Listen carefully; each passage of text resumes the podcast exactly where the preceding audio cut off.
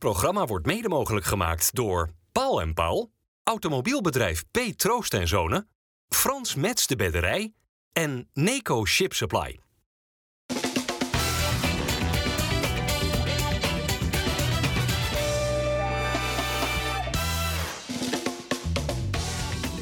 Goedendag dames en heren, hartelijk welkom bij FC Rijnmond. Een dag na de gestaakte klassieker tussen Ajax en Feyenoord zijn we hier met uh, Sjoerd Moussou van het Algemeen Dagblad. Welkom. Uh, Dennis Kalenburg en Harry van der Laan. We beginnen met een uh, kort rondje, Harry. Is uh, Feyenoord voetbalhistorie ontnomen? Ja, eigenlijk wel. Ik denk, uh, want zoals ik zat te kijken, had dit wel eens een enorme uitslag kunnen worden. Ajax had niks in te brengen en Feyenoord ja, die begon op stoom te komen. Dus het was een kwestie van tijd. Of het niet eerder 4-5-0 werd dan 3-1. Sjoerd, hebben supporters nu te veel macht? Ja, dat is overduidelijk. Ja, dat is niet nieuw hoor. Dit, dit, dit kon je van kilometers aanzien komen. Dit is natuurlijk bij, bij eerder, een paar weken geleden bij Willem II NAC gebeurd precies hetzelfde. Dat was ook 0-3. Toen zeiden we ook in de rust al, die wedstrijd wordt niet uitgespeeld. En Laatst bij Groningen ook, hè, vorig seizoen. Ook zo ja, dat, dat had wel een iets andere voorgeschiedenis weer. Maar, maar hier zag je ook op het moment dat in een belangrijke wedstrijd, beladen wedstrijd, de thuisploeg dik achterkomt. Geef je de klootzakken zoveel macht dat het niet te handhaven is op deze manier. Dennis, jij zat er met je neus bovenop. Wat was het beangstigend eigenlijk in, de, in het stadion? Ik vond het zelf eigenlijk meevallen. Het enige moment waarop uh, dat we een beetje meekregen dat er echt wel iets aan de hand was, was uh, toen de stewards uh, begonnen te roepen naar ons dat we heel snel door een draaideur moesten om naar, ja, de, naar het parkeerdek toe te kunnen, omdat er een hond aankwam. En dan heb je nog geen idee hoe wat. En als je dan de beelden ziet dat ja, echt 15 meter onder je de boel wordt afgebroken, ja, dan, ja, dan, komt, dan is het dan dichtbij. Maar ik heb niet echt het gevoel nee. gehad dat het angstig was. Al met al, hadden ze bij Ajax kunnen voelen dat dit ging gebeuren? Zeker. En, en blijkbaar hebben ze dat niet onder controle gekregen. En dat is ook, even, bij Ajax is dit probleem, dat heb je nog bij een aantal andere clubs. Kijk, het gaat allemaal over bekertjes gooien en over het protocol en over een wedstrijd staken. En uh, ze denken dat dat helpt. Maar het gaat natuurlijk om, om, om specifieke militante groepen die gewoon het, het voetbal doelbewust proberen te kapen. Ja. En dat is wat hier nu ook Vooral bij tegenslag. Ja, want, ja. Nee, maar wat dit ook, hè, we hebben het dan over een bekertje. Ik zag één bekertje dan liggen, zo'n beetje half bij de cornervlag. Daar werd een wedstrijd voor stilgelegd. Hè? Ja. Nou ja, dat gaat natuurlijk helemaal nergens over. Dus ze hebben een fout gemaakt door daar zo extreem mee om te gaan, hè, de KVB. En de scheidsrechters, hè, die moeten wel. Die, hebben die, die opdracht... moet het stadion verwijderd worden dan? Ja, weet ik wel, maar dat, dat, dat, ik, ik vind het veel te streng eigenlijk. Joh. Een bekertje op het veld, dat, dat, dat daar gaan we is, een hele wedstrijd nu voor platleggen. Het, het is symptoombestrijding. Ja. En um, we hebben wel gezien dat het, dat het protocol op deze manier niet functioneert. De, de, de meerderheid wordt de slachtoffer van de minderheid. Soms inderdaad om helemaal niks. En als het wel een uh, goede reden is om te staken, zoals in dit geval, dan gebeurt, gebeurt het uh, bijna altijd doelbewust. Dus, ja. Nee, maar zelfs een beetje zo'n zo'n zo'n fakkeltje op het veld, hè, dat hebben we ook al duizenden keren gezien in de afgelopen 50 jaar.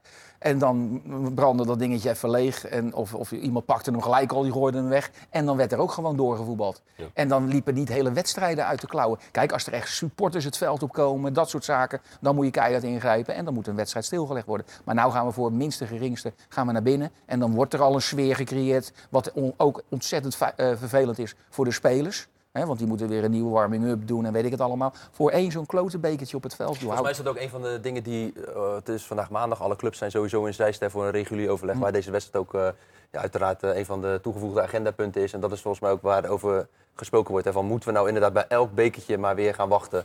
tot het moment daar is dat die man of vrouw uit het stadion wordt verwijderd... en we weer verder kunnen voetballen. Nee, maar je creëert er ook een, een sfeer van... Hè, we gaan nu rellen eigenlijk, door, door een wedstrijd stil te leggen... voor één waardeloos bekertje, wat helemaal nergens over gaat. Het staken van wedstrijden is inmiddels dus geen maatregel meer... maar een uh, machtsmiddel van supporters. Is dat de conclusie? Uh, dat blijkt gisteren sowieso. Maar dat het protocol zoals het is, dat het niet houdbaar is... dat is uh, overduidelijk. Moet je er dan als uh, niet naartoe dat de club van supporters die zich misdragen... dat die club wordt bestraft en niet een wedstrijd en daarmee ook een tegenstander?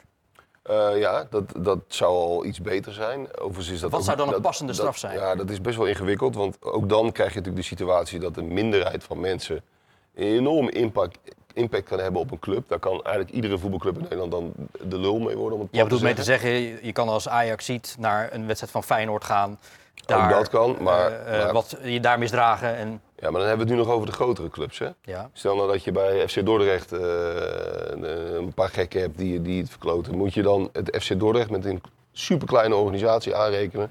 Dat ze dat niet hebben weten te voorkomen. Met andere woorden, die krijgen gelijk zeg maar wat zes punten in mindering. Ja, Het is best wel complex hoor. Ja, je kunt hier netten plaatsen, zoals we dat in de Kuip ook zien. Maar bij FC Dordrecht wordt dat alweer inderdaad als, als voorbeeld te gebruiken alweer een stuk moeilijker om dit soort dingen te voorkomen. Maar in de arena past het toch wel net. Ja, en die, er was van tevoren ook al aangekondigd van als het niet loopt zoals wij willen dat het loopt, dan gaan we dus eh, actie ondernemen. Ja, je kunt, eh, eh, als je mensen ook spreekt rond die wedstrijd, dan weet, de, de dag voor de wedstrijd lagen al fakkels gewoon op die vakken. Weet je wel? Er, wordt al, er worden al hele plannen gemaakt van hoe kunnen we die wedstrijd saboteren. Het wordt gewoon aangekondigd dat het gaat gebeuren. En dan zeggen ze bij Ajax, we hebben er alles aan gedaan.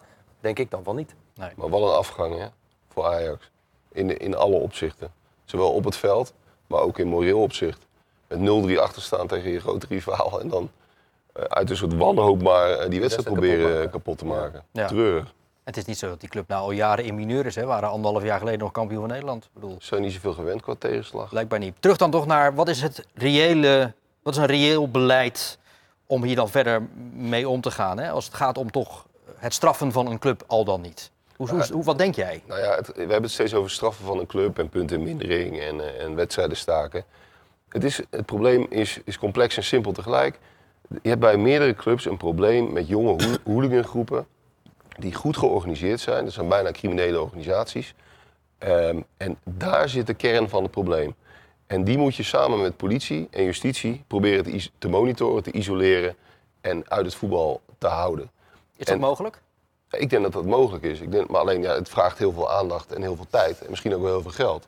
En ik denk niet Maar- alleen van de clubs, maar ik denk dat ook de justitie daar gewoon een Ja, grotere precies. rol in zal Nee, moeten gaan spelen. tuurlijk. Want in Engeland heb je de meldplicht, hebben ze daar nu eh, jaren geleden ingevoerd. En volgens mij was dat echt wel de bakermat van waar eh, eh, supportersgevechten en dat soort dingen allemaal zijn begonnen. En hebben ze dat echt wel redelijk buiten die stadions kunnen houden. in Engeland is, is het een heel pakket van maatregelen. Eh, er horen allerlei dingen bij.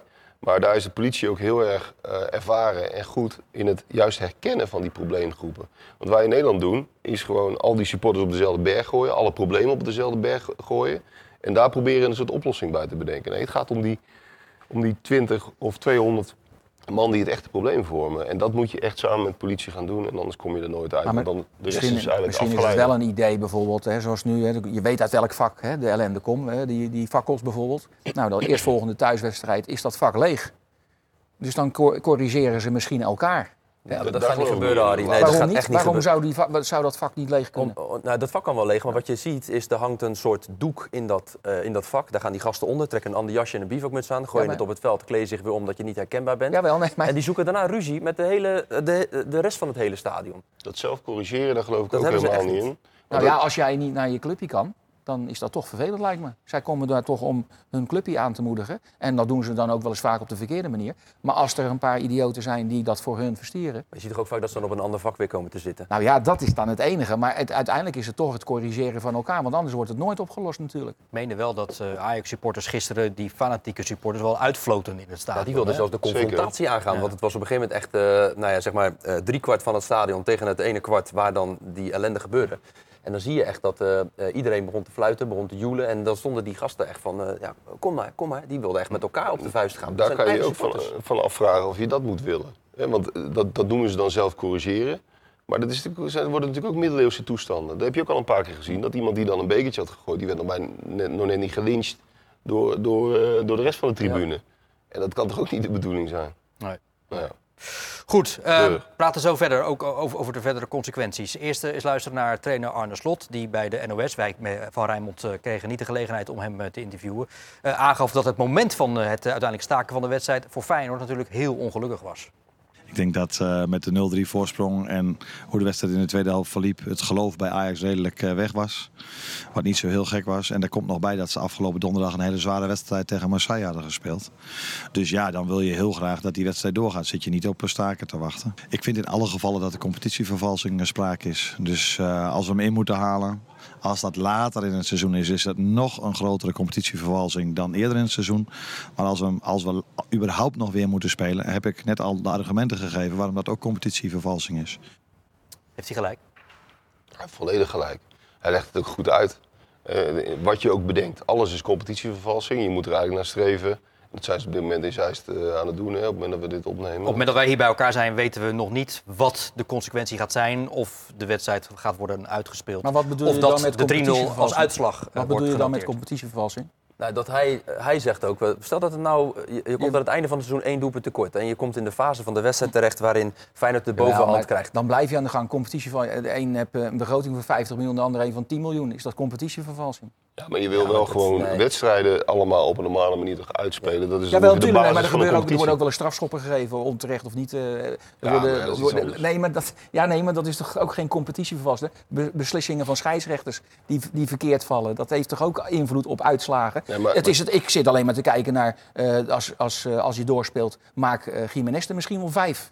En dan heb dat- hij aan het eind Nou, dan van is de Nee, dat is geen competitie wel. Dan competitievervalsing? kijk ik even wat hij kan opleveren aan het eind van de rit. Hè? Want die gaat, als hij zo blijft scoren en hij gaat ook nog goals maken in de Champions League... Maar Harry, dan zou gaat het hij naar 60 Zou miljoen. het dan competitievervalsing zijn dat als deze wedstrijd bij wijze van spreken over anderhalve maand wordt afgemaakt, dat eh, Ajax in de 57e minuut eh, Steven Bergwijn kan inbrengen? Ja, dat kan, dat, dat, mij- ik weet nee, niet dat, dat dat kan in principe eh, eh, niet, want je, je hebt het wedstrijdformulier en dat wedstrijdformulier is leidend. Dus Feyenoord speelde met, eh, die ging met deze 23 spelers daar naartoe. Ajax had deze spelers eh, op de bank zitten en dat is eigenlijk waar je het dan mee moet Dus doen. geblesseerde Maar- spelers kunnen niet alsnog Het kan, in die het kan, selectie het- aansluiten. Het enige, eh, het grijze gebied wat erin zit, is als stel dat er bij Ajax de buikgriep is en ze kunnen vanaf de bank geen spelers inbrengen. Dus dat die bank zeg maar even kort door de bocht helemaal ziek is. Eh, dan zouden ze kunnen, eh, een aanvraag in kunnen dienen van joh, we willen andere spelers toevoegen aan die groep. Maar dat is wel echt in het uiterste van het uiterste. In principe Maar is het gewoon hetzelfde wedstrijdformulier. Ik vind het veel te dramatisch om te praten over competitieverval. Het is gewoon een incident hè, die er gebeurt. Eh, dat, daar worden oh, zo meteen eh, worden daar eh, beslissingen over genomen. Wedstrijd wel of niet uitgespeeld en dat soort zaken.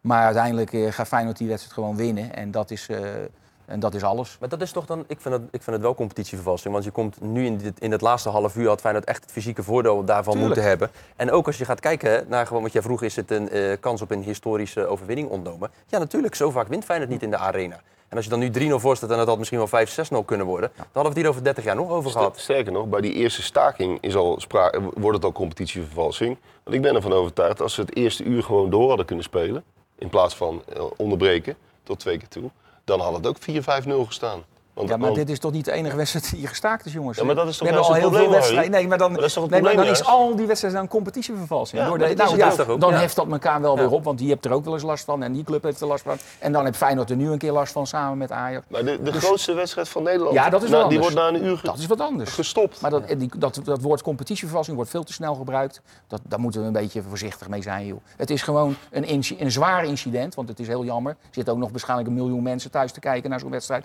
Plus 50.000 toeschouwers. En eh, iedereen volgt zo'n wedstrijd, dat is de wedstrijd van het jaar. En dan gebeuren dat soort achterlijke dingen. En eh, het enige is dat Feyenoord natuurlijk fantastisch ervoor staat. En zo'n wedstrijd gewoon ruim gaat winnen. Eh, het hangt er even een beetje vanaf of ze dat nog Nogmaals, uitspelen. nu, nu wij bij elkaar zitten, weten we niet hoe het verder zal eh, gaan. Maar wa- wat, is, wat, wat heeft de voorkeur van Feyenoord zelf met name? Dan eh, de eindstand houden zoals eh, die is. En als er verder gespeeld moet worden, dan op zo kort mogelijke termijn. En niet over vijf weken of over volgende maand of weet ik veel. eh, En stel, wanneer. daar wordt geen gehoor aan gegeven? Nou, dan, dan, de enige optie die dan nog zou resten is misschien een kort geding eh, Om de rechter daar uitspraak over te laten doen. Om hem eh, of haar te laten, ja, te laten oordelen dat dat inderdaad eh, de juiste keuze is. Het competitiebestuur staat ook een beetje met de rug tegen de muur. En, en kunnen gevoelsmatig, we moeten afwachten wat het gaat worden, maar kunnen gevoelsmatig bijna niks anders doen dan, dan in ieder geval de, de, de koers van Feyenoord eh, serieus nemen. Want het zou natuurlijk te gek voor woorden zijn als ehm, het standpunt van Ajax in dit geval wordt gehonoreerd door het over een paar maanden uitspelen. Ja. Kijk, iedere oplossing is eh, imperfect. Maar de minst slechte oplossing moet je denk ik kiezen. En dat is inderdaad eh, gewoon eh, 3-0 houden en eh, weg ermee. En was eh, uitspelen een uur nadat het stadion helemaal leeg was eigenlijk een optie? Of Ja. kan dat om veiligheidsredenen niet? Dat. We, hebben het daar ook over, we hadden het daar in de, in de, in de perskamer ook over. Hè, dat, eh, waarom wacht je niet nog een half uur of mij nog een uur en ga je dan gewoon verder? Maar dat komt inderdaad, eh, dat heeft met veiligheid te maken. Dat mensen misschien alweer terug gaan komen en een hoop gedoe. Eh, toch was het strategisch gezien, ben ik van overtuigd, Dat de beste optie beter geweest. geweest. Dat denk ik ook. Nou ja, ze waren natuurlijk wel aan het rellen rondom het stadion. Ze braken zelfs in, begreep ik. Dus dan, dat, dan kan je niet aan het voetballen blijven natuurlijk. Nee, maar Nee, dan wacht maar- je een uur. Maar normaal moet het dan een staak een half uur en dan moet er een knoop worden doorgehakt van gaan we wel of niet verder. Nou, dit duurde nu al veel langer. Al met al was er dus sprake van die eh, bizarre 3-0 voorsprong, Harry. Ja. Maar was Feyenoord eigenlijk ook wel zo goed? Nou nee, ja, op de, op de juiste momenten waren ze heel goed natuurlijk. Jiménez voorop daarin. Drie keer een kans, drie keer ja, een dat goal. was echt geweldig. Maar ook de manier technische afwerking, tactisch, zag, zag het er fantastisch uit. Alle drie. Eh, S- Slot legde het ook uit per goal. Dat was wel mooi om te zien. Maar eh, ja, Ajax begon heel, heel eh, zeg maar, pressie en probeerde met heel agressief verdedigen. Proberen ze Feyenoord een beetje uit balans te brengen.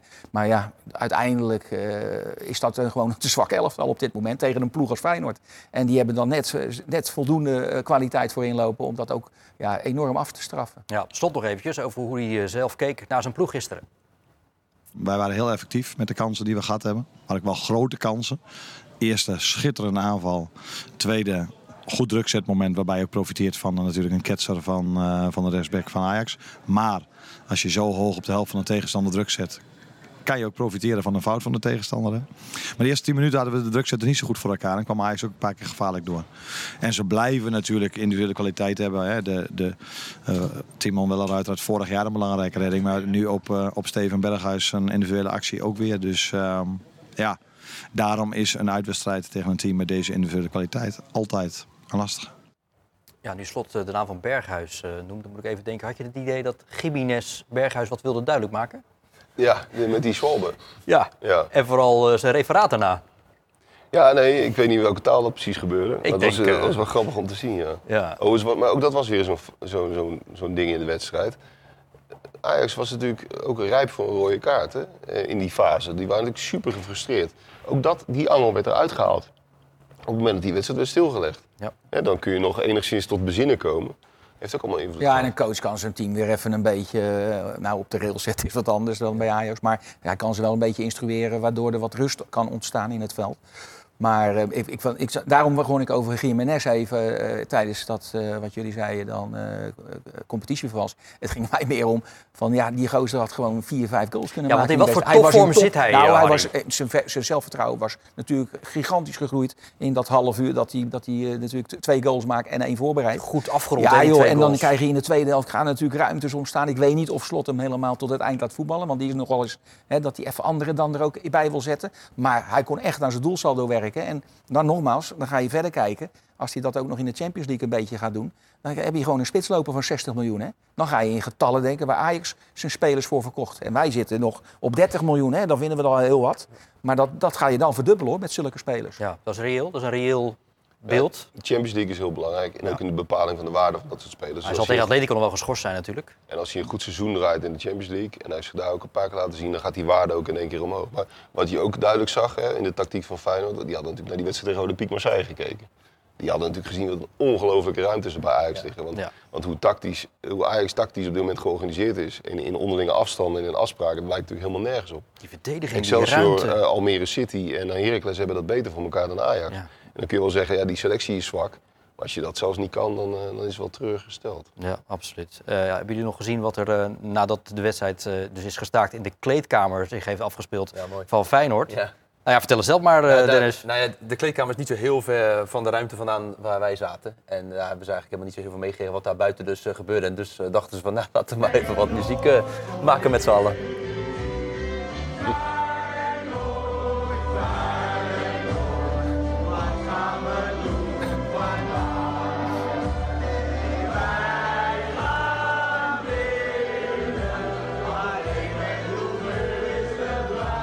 Zijn beelden gemaakt door Santiago eh, Gimenez. En eh, je ziet toch dat Geertruida, die trouwens een heel mooi interview dit weekend heeft gegeven aan, eh, aan de Volkskrant.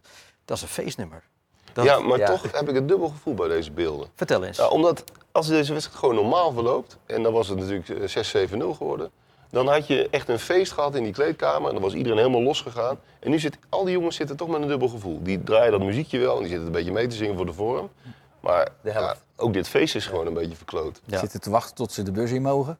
Als het veilig is. Je weet wat, het is een hele andere sfeer natuurlijk. Ja, nou ja, maar toen ze eenmaal aankwamen bij eh trainingscomplex 1908, ik bedoel, ja, gestaakt of niet, de Feyenoord supporters eh, die stonden er. En hoe? Kijk eens even. Ook hier fakkels.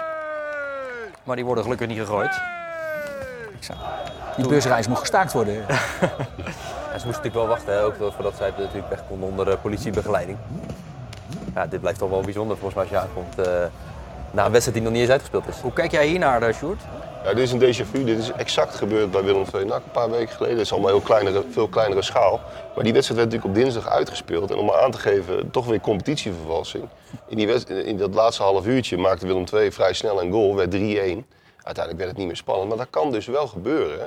Dat Ajax kan een nieuw soort strategie bedenken. Die kunnen denken, we gooien alle ballen eh, blind naar voren en die maken een snelle goal. Dat wil je toch helemaal niet hebben als competitieleiding. Dat je het risico loopt dat die wedstrijd nog een wedstrijd wordt. Dat zou de wereld op zijn kop ik, zijn. ik hou me vast aan de woorden die jij zojuist hebt gebruikt. Dat, dat, dat toch iedereen vooral naar eh, de wens van Feyenoord zal luisteren. Want die club en die ploeg is toch ernstig slachtoffer geworden van wat er hier is, eh, Lijkt me wel. is voorgevallen. Eh, voetballend, hoe, kijk, hoe beoordeel jij Feyenoord als ze spelen in topwedstrijden naar, tegen Ajax, tegen Celtic? Ja, Celtic was in de openingsfase eerste helft een beetje moeilijk. Eh, was gewoon een goede tegenstander, vond ik ook wel. Die deed ongeveer tactisch hetzelfde als wat Feyenoord graag doet. Maar daar kwamen ze wel goed overheen, vond ik. En dan winnen ze die wedstrijd gewoon knap.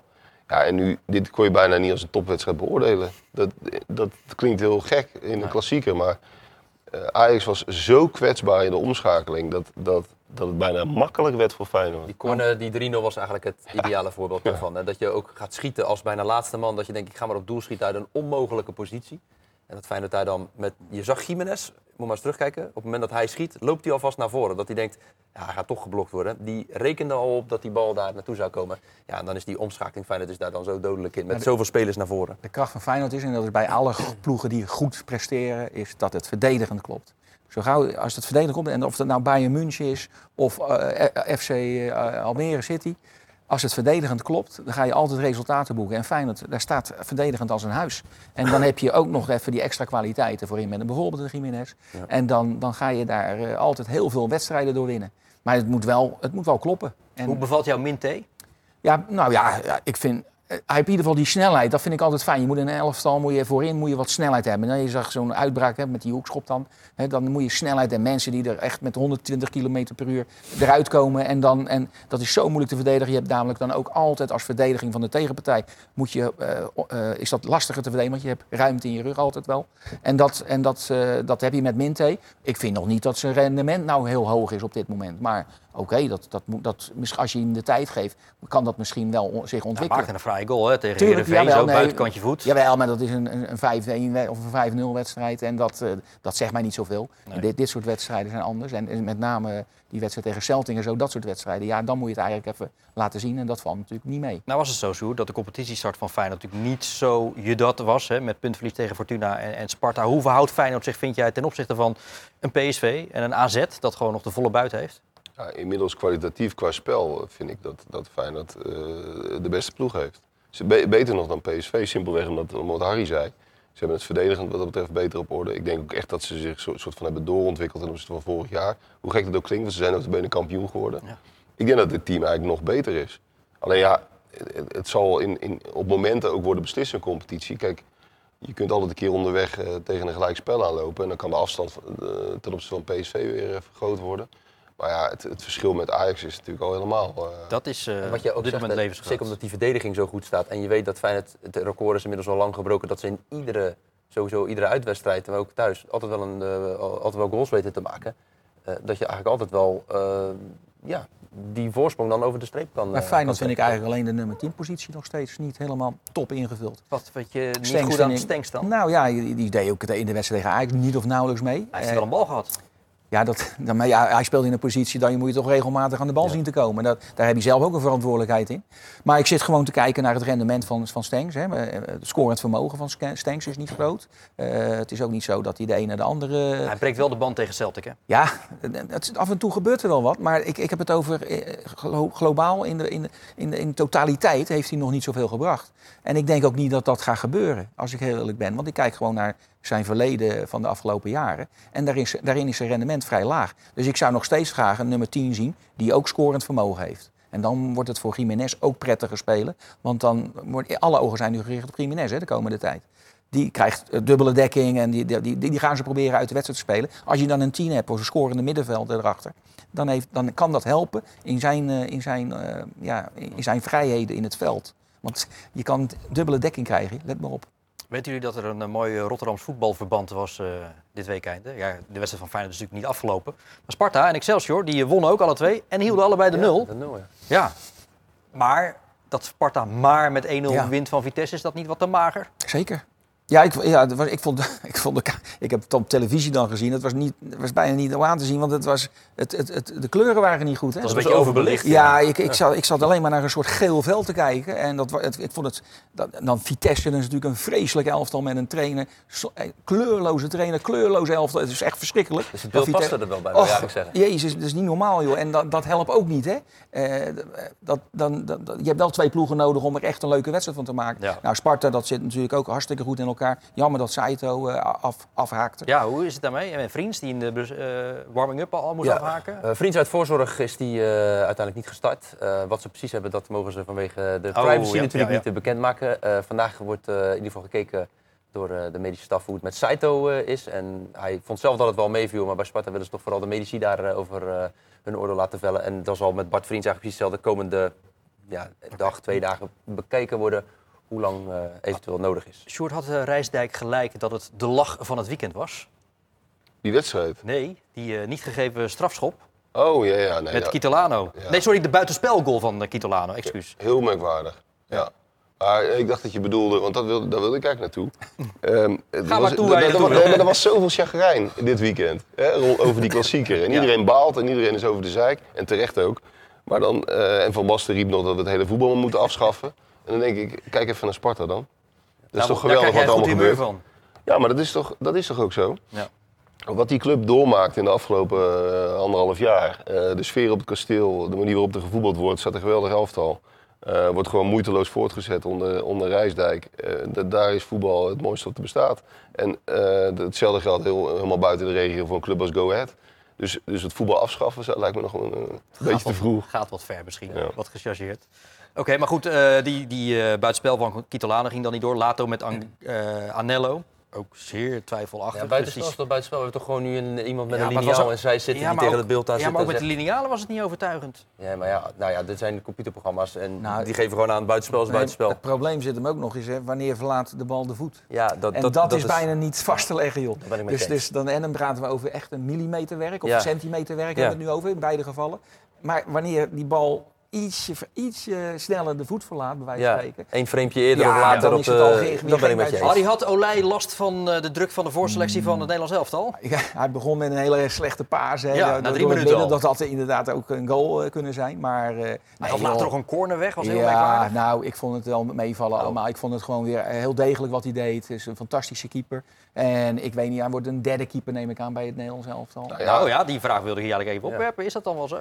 Nou ja, in principe, normaal gesproken natuurlijk wel. Maar als je kijkt naar de rest, dan, dan houdt dat ook niet over. Heb je veel Verbrugge gezien eh, dit Verbrugge weekend? maakt een En fout. Noppert. En Noppert was heel, heel zwak. Ja. Dus eh Vlekken zit ook niet in, in een goede periode. Dus, eh, Nou ja, normaal gesproken start je als derde keeper natuurlijk, als je helemaal nog geen ervaring voor het eerst opgeroepen wordt. Maar ik, wij weten allemaal, eh, Rotterdam heeft eh, in principe de drie beste keepers zo'n beetje van Nederland lopen. Hè. Excelsior, uitstekend. eh Bijlo als die fit is, top. En eh, dan hij, eh, hij ook. Ja. Ik vind dat net een tweeling trouwens, hè, die, eh, Wie? Bijlo en Olij. Vind je elkaar Ja, lijken, ja? ik vind dat zo. Ja, als je die naast elkaar zet, dan zouden gewoon broers moeten zijn natuurlijk. En, ja, nou, ze- moet je wel enig inlevensvermogen hebben, maar ja. Oké, ja, ik vind, ik vind Ja. het wel meevallen. Als je je ogen dicht doet, zie je het. Je Ja. eh, ja, aspirant, dus keeper van het Nederlands elftal. Hij heeft veel reacties gehad.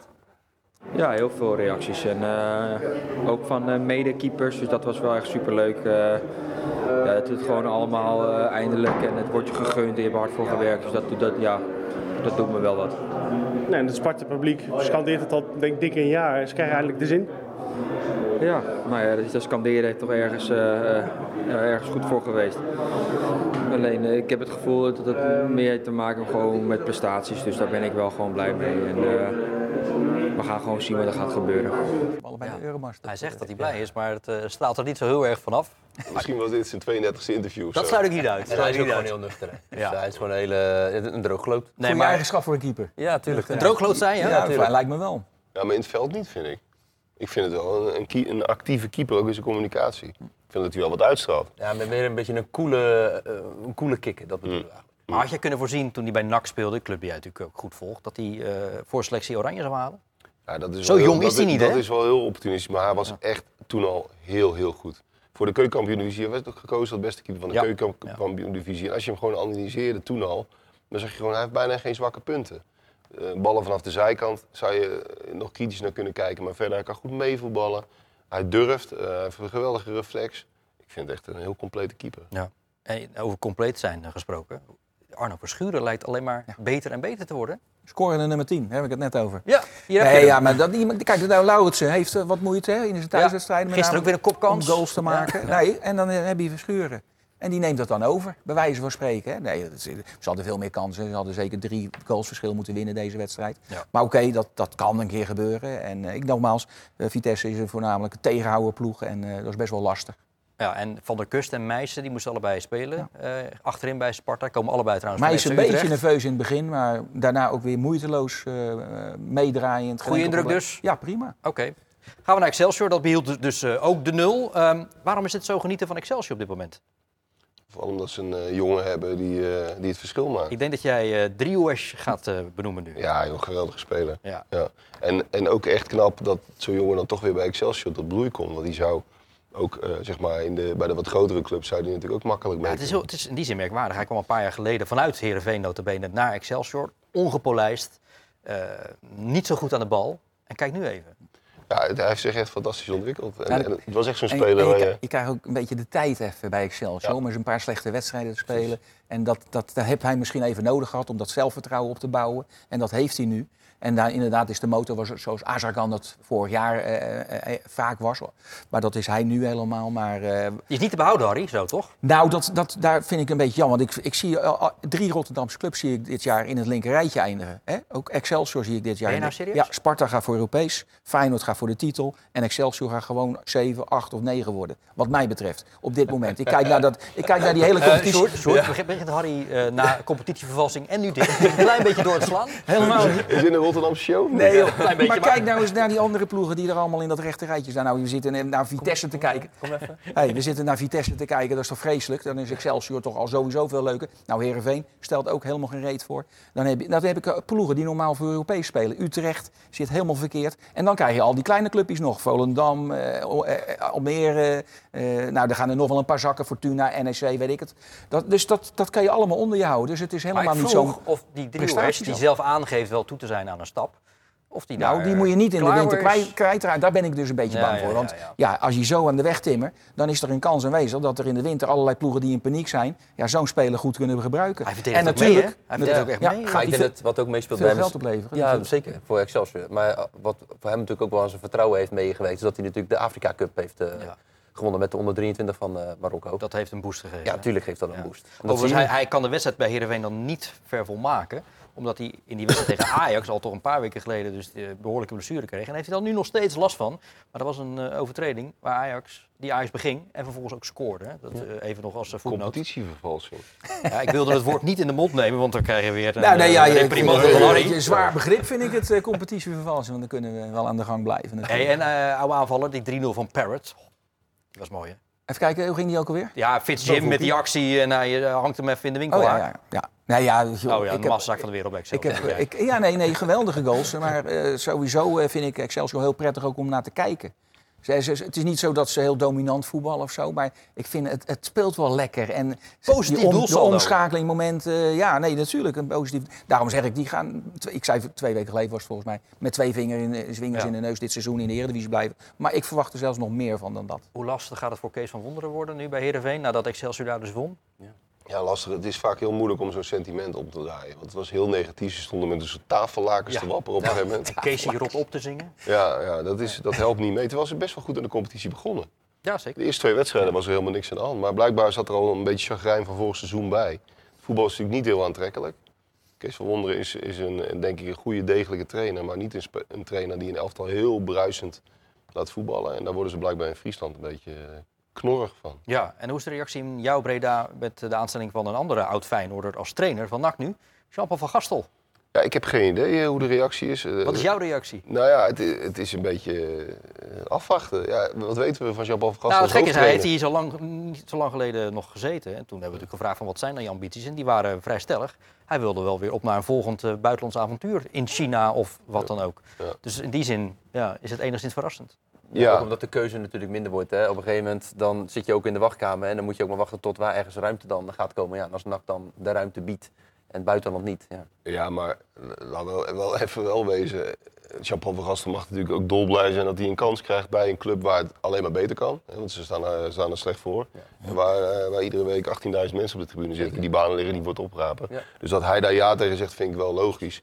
Eh, van het NAC-perspectief, ja, het is, we weten niet zoveel van Jean-Paul van Gastel als hoofdtrainer. Hij heeft alleen in China gewerkt. Ja. En verder is het gewoon afwachten. Zo is het. Ehm, nog even benoemen dat we, hadden het over Excelsior. Dat gaat natuurlijk spelen straks in de eerste ronde van de KNVB-beker over een paar weken uit bij Den Bosch. Sparta gaat spelen bij IJsselmeervogels en FC Dordrecht tegen FC Lisse. Zo zijn we er doorheen. Gevlogen, Ehm nogmaals gezegd, eh, bij het opnemen van deze uitzending is nog niet bekend wat het vervolg gaat zijn van Ajax tegen Feyenoord. Dat is natuurlijk ook allemaal bij ons na te lezen op Rijnmond.nl en in de, de Rijnmond-app. Sjoerd Mossou van het Algemeen Dagblad, bedankt voor je prettige bijdrage. Zeg ik ook tegen Dennis Kalenburg. En Harry, competitievervalsing van de Laan. Tot over een paar weken weer. Prima Bart. Woensdag is er de Sparta-podcast en vrijdag weer FC Rijnmond. Graag tot dan. Dag.